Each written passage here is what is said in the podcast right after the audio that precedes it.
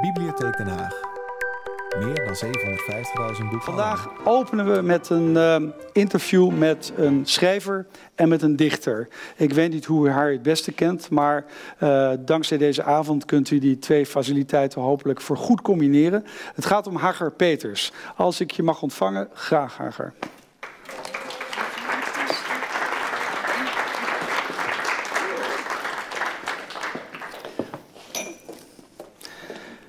Het ritueel van het water is ook heel belangrijk. We hebben alleen water. Lekker. Bijbels. Goed. Um, alsjeblieft. Dankjewel. Hager, ik heb natuurlijk een geheugen als een zeef, maar een van je gedichten opent met Ik ben Hager. En dan krijg je onmiddellijk een keuze. Weet je dat nog? Een van je gedichten. Al je bundels oh, liggen ja, trouwens hier bij Boekhandel Paakman. Maar is het niet mijn naam is Ayaan? Nee. Nou maar... ja, Hager is mijn naam die voor vluchteling of vreemdeling staat. Ja. Al ja. weet ik niet zeker hoe ik heet of zoiets. Kijk. Ik heb ook een geheugen als het heeft, nee. Maar dit, dit lukt allemaal goed en ik begin daar natuurlijk al over. Is het, al is het nooit zeker hoe ik heet, dat is te zien. Als het nooit zeker hoe ik weet. Ik wou eigenlijk dit als een, als een ja, tamelijk idioot opstapje gebruiken... om uh, met je te praten over uh, uh, dichterschap en het schrijverschap. Je bent nu sinds Malva... Eigenlijk was je al eerder proza schrijver ja. met Gerrit de Stotteraar en erg, maar dat was non-fictie. Dat telt dan opeens niet. Nee. Uh, uh, maar opeens uh, ben je nu, zei je ook de boek als schrijver. En daarvoor was je een gevierd dichter. Dat ben je natuurlijk nog steeds. Ehm, het is een heel elementaire vraag, maar ik wil hem toch stellen, want ik wil het graag weten. Voel je een verschil? Is er een faciliteit waardoor je denkt, nu ben ik de dichter, Hager Peters, en dan weer de schrijver? Nou, ik merk dat ik het, ik kan dus niet Um, als ik met een roman bezig ben, heb ik gemerkt, of met die roman, kan ik daarnaast geen gedichten schrijven. Omdat al die gedichten worden opgeslurpt door die roman. Ik, ik ben gewoon.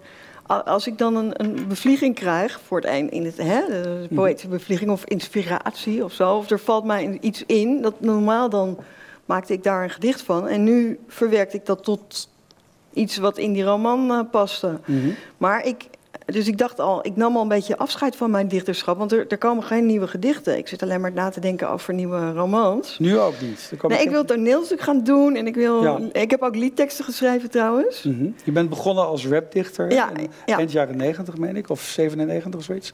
Ja. Ja, de- klopt. de- Ik ben nou ja, als performer eigenlijk. En daar, toen werd ik gevraagd voor een Double Talk Festival in 1997 inderdaad. Mhm. Ja. Het is alweer zo lang geleden. Dus, en ehm, toen twee jaar later gedebuteerd met mijn eh, dichtbundel. Mhm. En in de, tegelijkertijd schreef ik mijn scriptie. En die werkt weer, die heb ik later bewerkt. En dat werd dat eerste Mhm. non-fictieboek. Maar die heb ik dus naast elkaar geschreven. Non-fictie en poëzie kan wel naast elkaar. Maar eh proza of een roman dus blijkbaar niet. Maar wat, ik, ik, ik, ik denk wel dat het weer terugkomt hoor, die gedichten. Want eh, ik merk nu, nu het winter wordt, dat ik heel veel zin heb om...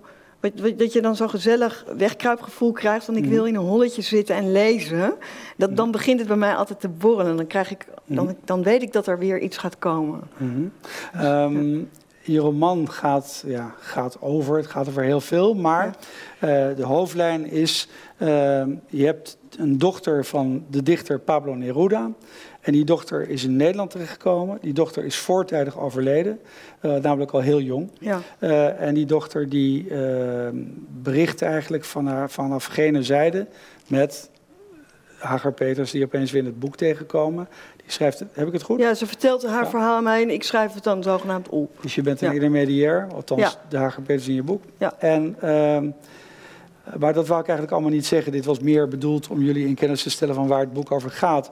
Wat ik boeiender vind is eigenlijk de stijl. De stijl is bijzonder opvallend in je boek. Je Ja. begint eh, al volgens mij op pagina 2 of 3 met een eh, zin die een halve pagina groot is. En die loopt, wat knap is. Eh, kon je daar je dichterlijke inspiratie misschien in kwijt? Alleen die stijl was het meer.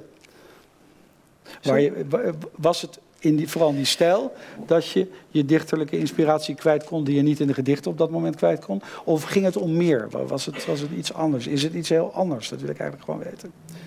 Dat schrijven van proza. Nou ja, ik kon dit juist niet in een gedicht kwijt. Daarom moest ik er een roman van maken. Anders, ik heb geprobeerd aanvankelijk om die Malva eh, in een soort van eh, gedichten te laten spreken. Maar dat werd onbegrijpelijk, want je zit met al die verhaallijnen, je zit met zoveel personages. Ik, Mhm. ik heb er ook nog een deel van mijn eigen biografie in verwerkt. Mhm, ja. al die stijlen, eh, genres die ik door elkaar heen uh, meng.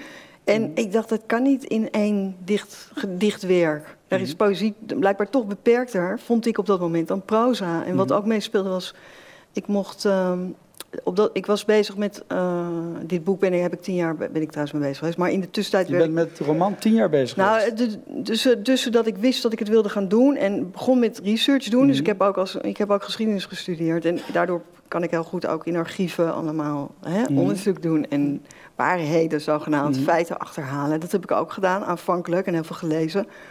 En toen heb ik, het, heb ik er een roman van gemaakt. Hè? Dus ik ben als, beetje als wetenschapper vind ik zelf gaan onderzoeken en als dichter gaan schrijven. En, uh, maar in de tussentijd mocht ik ook nog het nawoord bij Voer voor Psychologen van Harry Mulisch schrijven. Mm. Wat ook over zijn vader gaat. Dit boek gaat ook over vaders. En die, uh, die, die permitteerde zichzelf daar zoveel vrijheid in. Uh, dat ik dacht, wauw, dat kan dus in een roman. Hè? Mm -hmm. Ik dacht altijd dat poëzie de grootste, de, de, de top van de vrijheid was. Mm -hmm. En, en, en uh, ik kon opeens nog, nog meer. Dus ik heb alles wat ik wilde gedaan. Mm -hmm. en, en dus daarin is het misschien, lijkt het wel op poëzie, ja. Nou ja, je rekt de grenzen van de roman behoorlijk op. Hè? Ja. Want de, uh, wat ik het belangrijkste vind, is de, de vaderzoeken. Uh, dat, dat meisje dat eigenlijk door haar vader verworpen werd omdat ze een misfit was. Ze had een, een groot, te groot hoofd. Een waterhoofd. Een waterhoofd. Dat paste niet bij het ideaal van deze dichter... die het in zijn poëzie altijd zo over de verschoppelingen ja. opnam juist. Die ironie. Ja. Uh, tegelijkertijd uh, kom jij er zelf in voor... met je eigen geschiedenis min of meer. Of de geschiedenis eigenlijk van je familie, van vaderskant. Van mijn vader, ja. Uh, en dan uh, volvoer je ook nog een literaire truc door het uh, magisch realisme binnen te laten komen. Dat is sowieso natuurlijk al op het moment dat, dat zij spreekt met jou of bericht vanuit gene ja. zijne. Ja. En, en dan ga je nog verder, dat vond ik trouwens wel heel erg mooi. Dat je eerdere gevallen erbij haalt Ja. van mensen die niet goed zijn geweest voor hun kroost. Ja, van, van schrijvende of, ja. of kunstenaar-ouders die dan hun kinderen die mismaakt waren of gehandicapt verwaarloosden. Ja. Ja, en wat heb ik nou gemist bij alles wat ik net opzomde? Want dit is jou allemaal bekend natuurlijk. Wat zou je zelf noemen? Dat het eigenlijk een ode toch weer aan de poëzie is. Want Mhm. mensen denken, oh, zielig verhaal van een zielig meisje. Wat niet zo is, want daarom heb ik heb haar heel ironisch laten praten. Hè, en Mhm. ze is totaal niet een zielig meisje eigenlijk.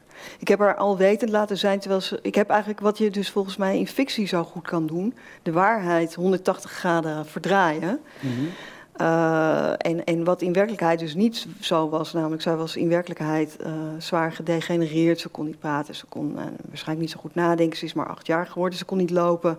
En ik heb haar opeens al wetend gemaakt. En het verhaal en haar verzwegenheid omgekeerd. Want ze is dus door Neruda in zijn eigen ja, in zijn autobiografie nooit genoemd. Terwijl Mhm. die autobiografie heet Ik beken, ik heb geleefd. Dan denk je, nou, dat leven, daar hoort natuurlijk ook... Als je kinderen hebt, horen die Mhm. kinderen bij dat leven. Hoe kan je dat, hoe kan je dat negeren? Daar, daar, Mhm. Dat is een keuze.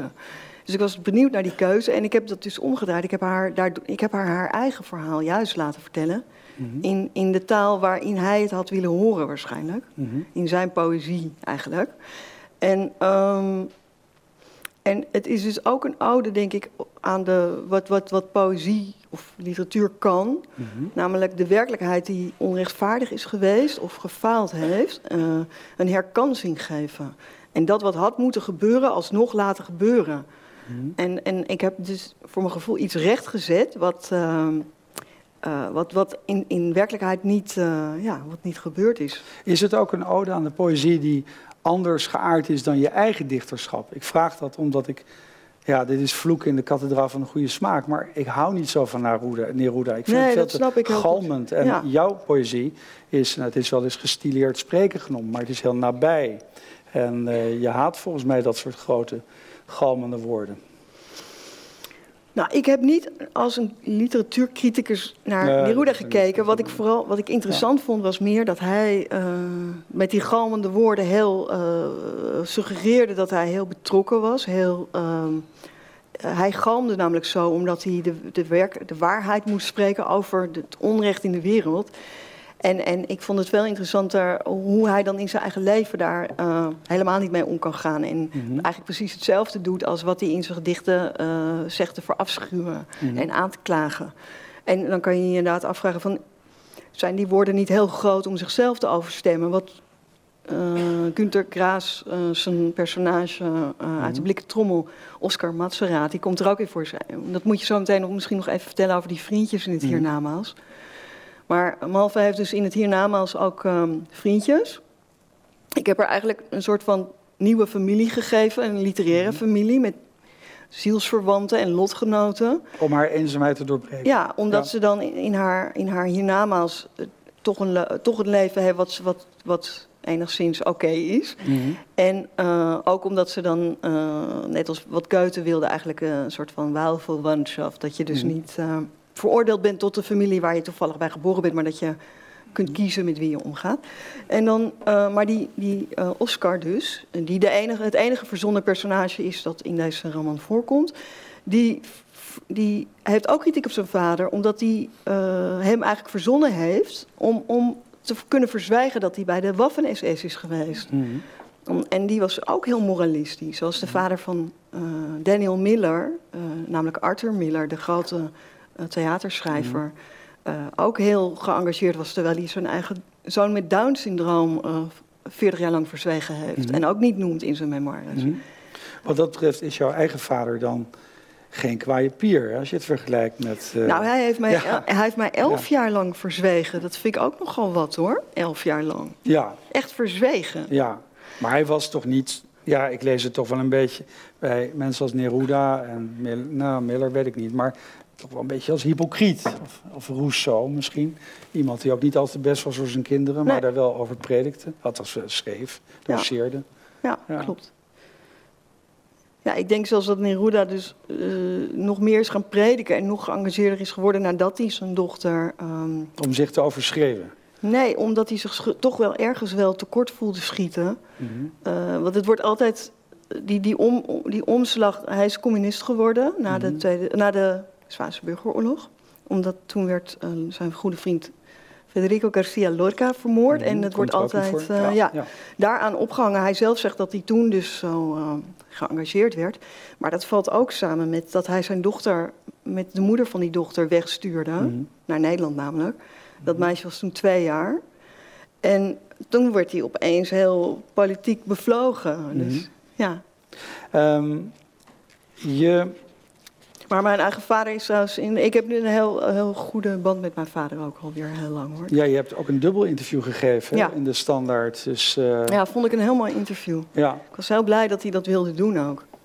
Nou, maar hij is natuurlijk op een andere manier ook aanwezig in je boek. Hè? Want er zijn ervaringen in Latijns-Amerika Zeker. als, eh, als journalist. En die logen er niet om. Ja. Nou, daarom vond ik ook dat ik me, want het is vrij brutaal natuurlijk, dat ik denk dat ik dat Malva mij zou kunnen aanspreken. Maar ze heeft daar wel redenen voor, namelijk dat, dat die parallel hè, met het verzwegen zijn. Ja, En, met het, en het feit dat mijn va- eigen vader aanwezig was bij de begrafenis van haar vader. Ja. Want mijn vader was daar als journalist. En eh, wat ik heel mooi vond is dat hij. Er is ook een zijn ook documentaires toen gemaakt van. Want heel veel journalisten waren daar vanwege die staatsgreep van Pinochet. Hè? Dus mijn vader was daar op 23 september 1973 aangekomen. Wat echt Mhm. exact de datum is van het overlijden van Neruda. En twee dagen later was de begrafenis. En mijn vader was daar nog met al die journalisten. Toevallig, omdat die staatsgreep net had plaatsgevonden. Dus eigenlijk om daarover te schrijven, Ja. was hij getuige van die begrafenis die uitgroeide tot de eerste massademonstratie. Of eigenlijk de eerste demonstratie tegen die dictatuur, Mhm. tegen die coup van Pinochet. En, ehm, maar die- hij loopt daar ook. Die beelden zijn, die heb ik later nog teruggezien. Dat wist mijn vader ook niet eigenlijk. Dus, dus pas toen ik aan het boek ging werken, heb- hebben we die beelden opgevraagd. Mhm. En daar zie ik mijn vader als jonge man dus Mhm. lopen. Ik herkende hem meteen in die massa. Maar hij heeft ook de hij is dagboek... natuurlijk ook heel lang. Hè? Dus ja, dus hij ja. viel heel erg op. Hij is veel langer dan die Chilenen. Het is Herman Fuisje, voor degene Ja. die het niet weten. De bekende socioloog en eh journalist. maatschappijcriticus. En eh, ja, Maar, maar, ja, Ja. maar wat ik ontroerend vond, was dat hij in zijn hand het blok had, of het dagboek. waar hij aantekeningen in maakte. In code, ja. Ja, en dat is letterlijk wat ik later weer mocht lezen en wat, wat daar dus in staat. Mhm. En ik, ik zag ook hoe die keek naar. dus af en toe werd er iemand uit, gewoon uit de stoet weggehaald Mhm. door militairen, weet je wel. Mijn vader keek van: ik zie het wel. En, Mhm. eh, dus hij was ook heel betrokken tegelijkertijd. Maar hij was dus op dat moment ook weer niet bij mij, weet je wel. En, Ja. Dus dat, dat is dat, en die paradox van het heel betrokken zijn, heel erg ehm, het onrecht willen be- begrijpen, beschrijven, Ja. eh, als het zou kunnen eh, eh, tegengaan. ja. En, en, en ook een soort afwezigheid in een soort. eh, in, in de nabijheid hè, met je Mhm. naaste op de een of andere manier. Dat is dus wat ik bij Neruda ook zag. En dat fascineert mij. Mhm. Ehm, je hebt er natuurlijk wel eens over nagedacht van ehm, eh, op het moment dat je begon te schrijven en begon te dichten, dat ehm, denk je dat het anders was verlopen als je in een gezin was opgegroeid met een vader en een moeder die alle- allebei er waren? Ja, ik denk dat ik iets anders zou. Ik zou, want ik ben al heel jong toeschouwer geworden. Mhm. Omdat er dingen in mijn omgeving waren die ik niet begreep. En als je iets niet snapt, dan wil je het wel gaan begrijpen. Dus dan ga je nadenken. En als je gaat nadenken, wil je dat opschrijven, want je wil het begrijpen. En, en ik ben, denk ik, daardoor wel al heel jong gaan schrijven. Eh, ik had ook de illusie dat als ik iets opschreef, dat ik het beheerste. Dat ik er grip op had. Mhm. Eh, nu heb ik die illusie niet meer. maar toen dus wel. Dus ik ontleende wel een soort van zelfvertrouwen eraan. Mhm. En ik, maar ik denk als ik in een heel normaal gezin was opgegroeid, dan hoop ik altijd dat ik piano zou hebben gespeeld of zo. Dat ik een of andere kunst heel goed zou hebben leren. Nou ja, doen. je hebt toch niet te klagen. Je bent, Nee. eh, eh, er wordt altijd ehm, geklaagd, en terecht denk ik, dat je van dichten niet kunt leven en dat het eh, weinig lezers trekt. Maar als je naar de drukgeschiedenis van jouw boeken kijkt, die trouwens ook allemaal daar zijn, hè, bij Hoe kan de Ja, tof. Ja. dan zie ik de ene Ik na de andere druk. hoor. Je gaat signeren, ja. Eh, maar... eh, Nee, ik heb ook helemaal. Ik klaag ook niet. Nee, nee, nee, nee, je mag best klagen. Klagen is leuk. Maar het Ja, is maar meer klaag dat ik denk niet. van... er is toch een kunst om die, die, je- die je goed verstaat. Ehm, Ja, nee, maar je vraagt zelf aan mij: denk je dat het anders was gegaan? Ik denk, dan denk ik wel dat het anders was gegaan. ja, Maar ik ben blij dat het zo niet is gegaan hoor. Ja. nou, dat is mooi. Ehm, er is iets, daar wil ik je nog wel mee lastigvallen. Er is iets eh, dramatisch aan die naam, eh, Malva. Ik begrijp dat het bloem betekent. Nou, het is, het is een bloem. Het is Het de is naam van een bloem. En dat zou dus voor schoonheid staan, of is het een hele lelijke bloem? Nee, het is, ehm, het is wat we in Nederland kaatjeskruid noemen. Mhm. Ofwel de malve. En het is een hele mooie bloem. Maar ja, dat meisje is niet zo mooi. Nee. Eh, laten we eerlijk zijn. Ze kan wel mooi zingen, schrijven. Ik vind het trouwens Ja. wel mooi. Ik heb foto's van haar gezien. En het, als je die vergelijkt met hoe Neruda over haar schrijft... dan denk je, waar maak je... Ik bedoel, hij overdrijft ongelooflijk. Ja. Want ik heb dus uit zijn brieven, die, dat is ook letterlijk... Hè, dat staat gewoon in die brieven hoe hij haar dan noemt. Dat is Mhm. trouwens ook sarcastisch of Ja. ironisch. Maar eh, ja... Maar goed, inderdaad, de, de bloem is... ehm, die naam had hij natuurlijk al bedacht voordat hij wist hoe eh, zij zou zijn. Ja. ja. Of, Eh. ja, ik weet niet of dat dramatisch is, maar ik speel daarmee. Hè, dat, dat zij dan ook bijvoorbeeld punt komma noemt hij haar ook. Omdat ze dan een heel klein lijfje, of een eh, ja, heel klein lijfje heeft en een heel groot hoofd. Ja. Maar dat wordt haar geuzennaam. En ik heb dat ook helemaal zo doorgevoerd dat ik ook in plaats van Asterix of weet ik, Mhm. hè, van die paragrafen, heb ik als steken die punt komma de hele tijd. ja. Ehm, je wilt natuurlijk dat mensen je hele boek lezen.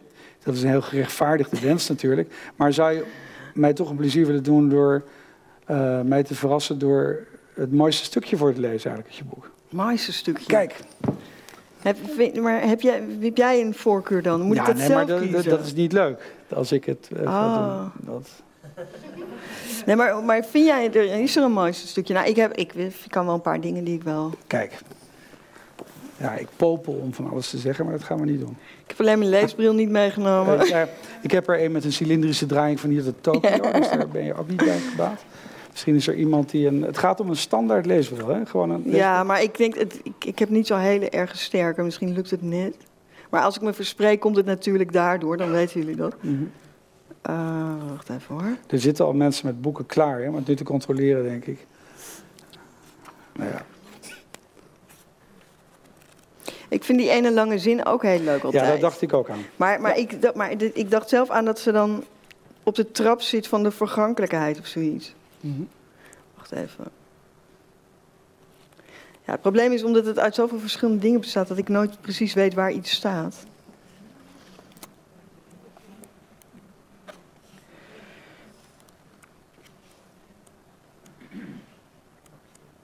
Ik ben hier Ja, wel heel blij had, mee. je had eigenlijk even ik had namelijk, ik had moeten namelijk vragen. ja, natuurlijk weet ik. Maar ik had zelf gekozen voor die lange zin, omdat ik denk die staat in het begin. Maar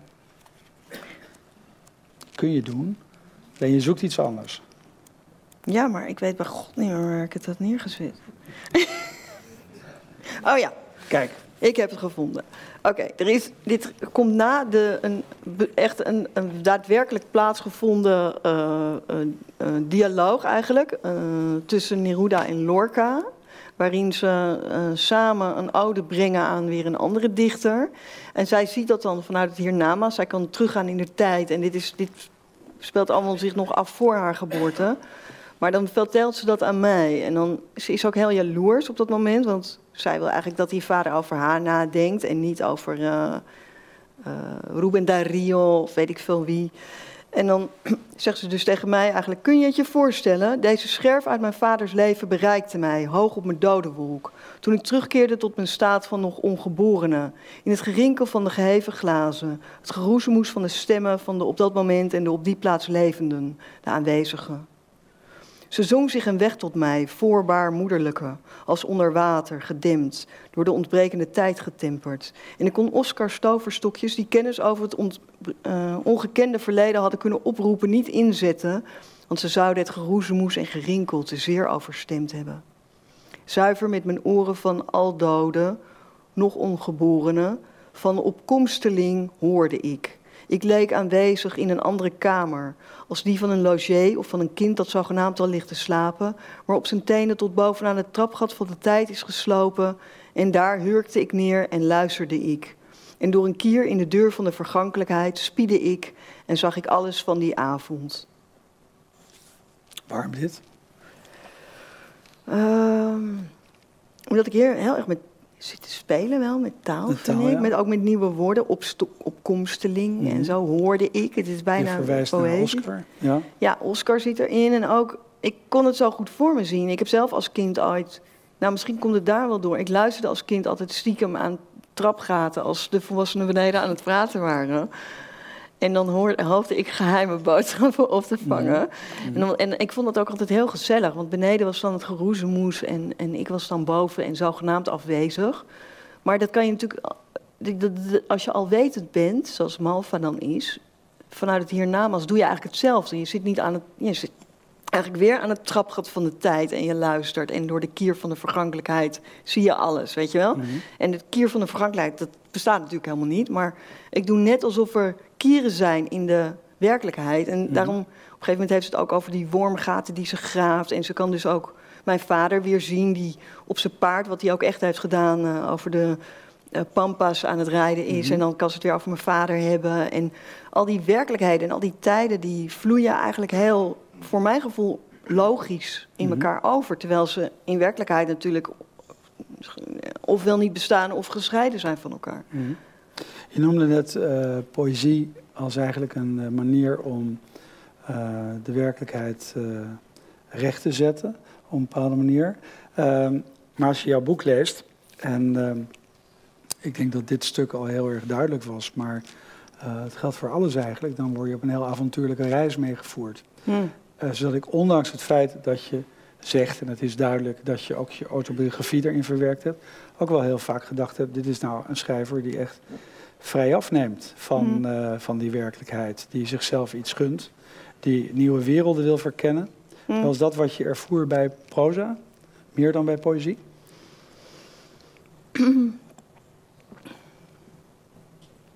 Ja, bij proza kan je meer toneel spelen. Je kan, bij poëzie wordt toch eerder, ga je toch eerder. Je, je schrijft niet vanuit een ander personage, bijvoorbeeld. Mhm. Nu had ik het idee dat ik en regisseur was, en acteur, en componist. En ik Mhm. kon, eh, eh, weet je, en, en eh, ik kon zelf bepalen wie en op welke manier ik was. Of wie ik was en op welke manier. Maar ehm, bij, bij poëzie heb je toch vaak dat je vanuit. Eh, dat je heel dicht bij jezelf wil blijven op de een of andere manier. Mm, je ook in je associaties. Je bent ook tot vervelens toe altijd een, eh, wat, hoe was het ook alweer, Eh, lichamelijk zintuigelijk en een lichamelijke dichter. ja, liefdesdichter. toch Liefdesdichter. Nou ja, dat is natuurlijk niet verkeerd. Over de hè? liefde, ja. ja. maar dat was ook je titel van je eerste dat was mijn bundel eerste bundel, maar dat, heb ik natuurlijk ook heel vaak Ja. niet gedaan. Ja. Maar, Nou, dit- maar dat komt denk ik eerder door het muzikale. Ik denk wel dat ik altijd, ook dus toen ik als rapdichter dan begon... Mhm. Eh, voor mij is het ritme van de taal heel belangrijk. Dat heb ik hier ook weer in. Mhm. En, maar dat vind ik ook bij andere schrijvers eh, waar ik van hou. Hè, bijvoorbeeld, eh, ja, om maar even met, met een hele grote te vergelijken. Maar Nabokov Ja, bijvoorbeeld dat heeft dat natuurlijk enorm. Of, En ook Günter Graas en, de, Ja. en ook Mar Marquez. Maar alle schrijvers die ik goed vind, die hebben een soort musicaliteit. En dat hoeft helemaal niet... Dat kan ook amuzikaal zijn. Maar er moet een soort... nou ja, goed. Er moet iets... En dat heeft Remco Kampert bijvoorbeeld ook weer. En nou ja, ik hou daar... Ik, dan word ik eigenlijk meegevoerd daarin. Er zit ook iets, eh, een andere vrijheid in, eh, in Malva. Hè? Dat is, eh, ik liet misschien al te veel blijken dat ik niet zo gek ben op Neruda. Hm? Eh, maar daar heb je eigenlijk geen last van als je het boek leest. Dat komt natuurlijk het feit dat je een bepaalde mening kunt hebben over hem. Of over het feit dat hij zijn dochter zo behandelde. Dat, dat komt hier natuurlijk ook wel uit voort dat eh, het meisje hem wil behagen op een bepaalde manier.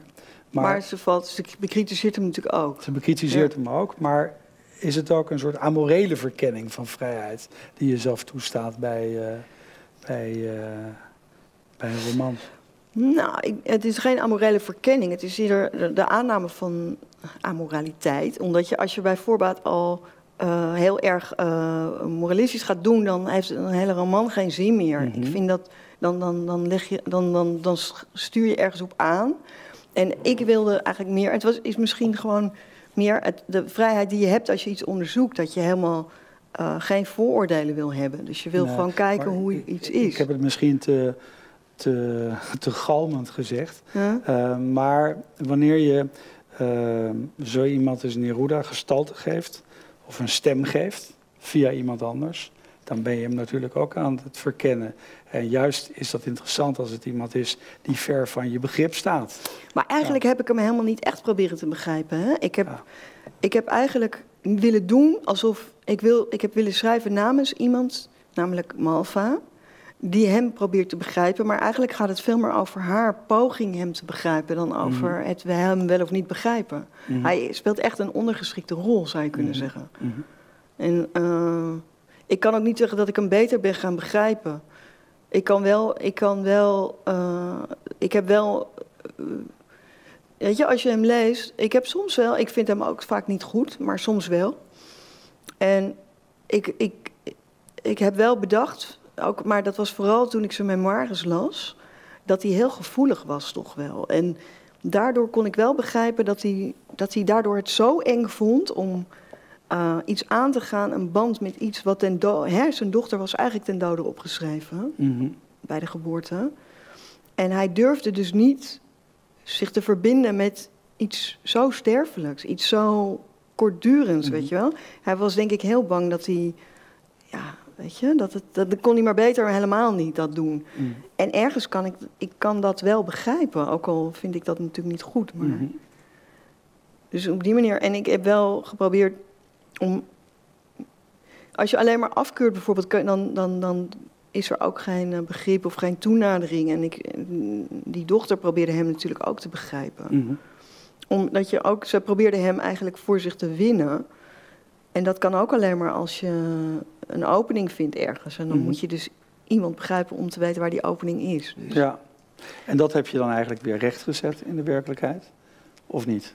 Eh, Hoe Door, door haar een leven te gunnen dat ze niet geleid, eh, geleefd heeft? Ik ga misschien veel te lang. Ja, door. ja, nee, dit, dit Ja. is weer wat anders. Dat leven, dat staat los van die vader. Ze heeft juist een leven helemaal zonder die vader eigenlijk in het hiernamaals. Ja. Maar ik heb haar wel een soort eh, tweede... Ik heb wel aan het eind, dan beschrijf ik ehm, de dood, het doodgaan... als iets wat je mm, oneindig maal kan herbeleven Mhm. op allerlei manieren... Met, met allerlei andere personages. En dan laat ik wel die vader op een gegeven moment aanwezig zijn... en haar alsnog erkennen. Mhm. En En, uh, en wat ik ook doe is helemaal aan het eind. Maar nu, wie het nog niet heeft gelezen, dan ga ik nu alles aan verklappen. Gewoon doen. Maar ja, ik bedoel, het is niet een enorme plot waar je dan opeens uh, dat je het niet meer hoeft te lezen. Maar um, daar uh, laat ik een passage terugkeren waarin die eerst een soort droom was. En waarin ze dan op tijd wakker wordt. En dan op het laatste wordt ze niet meer wakker. Waardoor het lijkt alsof het ook echt zo is. Mm -hmm. Dus ik heb wel net gedaan alsof ze elkaar vinden alsnog. Ja. Maar ik weet niet of ik nu maar zit te raadspelen nee, of allemaal antwoorden geven. Ik ben er zo stil van dat ik je bedank voor het gesprek. okay. Dankjewel. Alsjeblieft. Okay.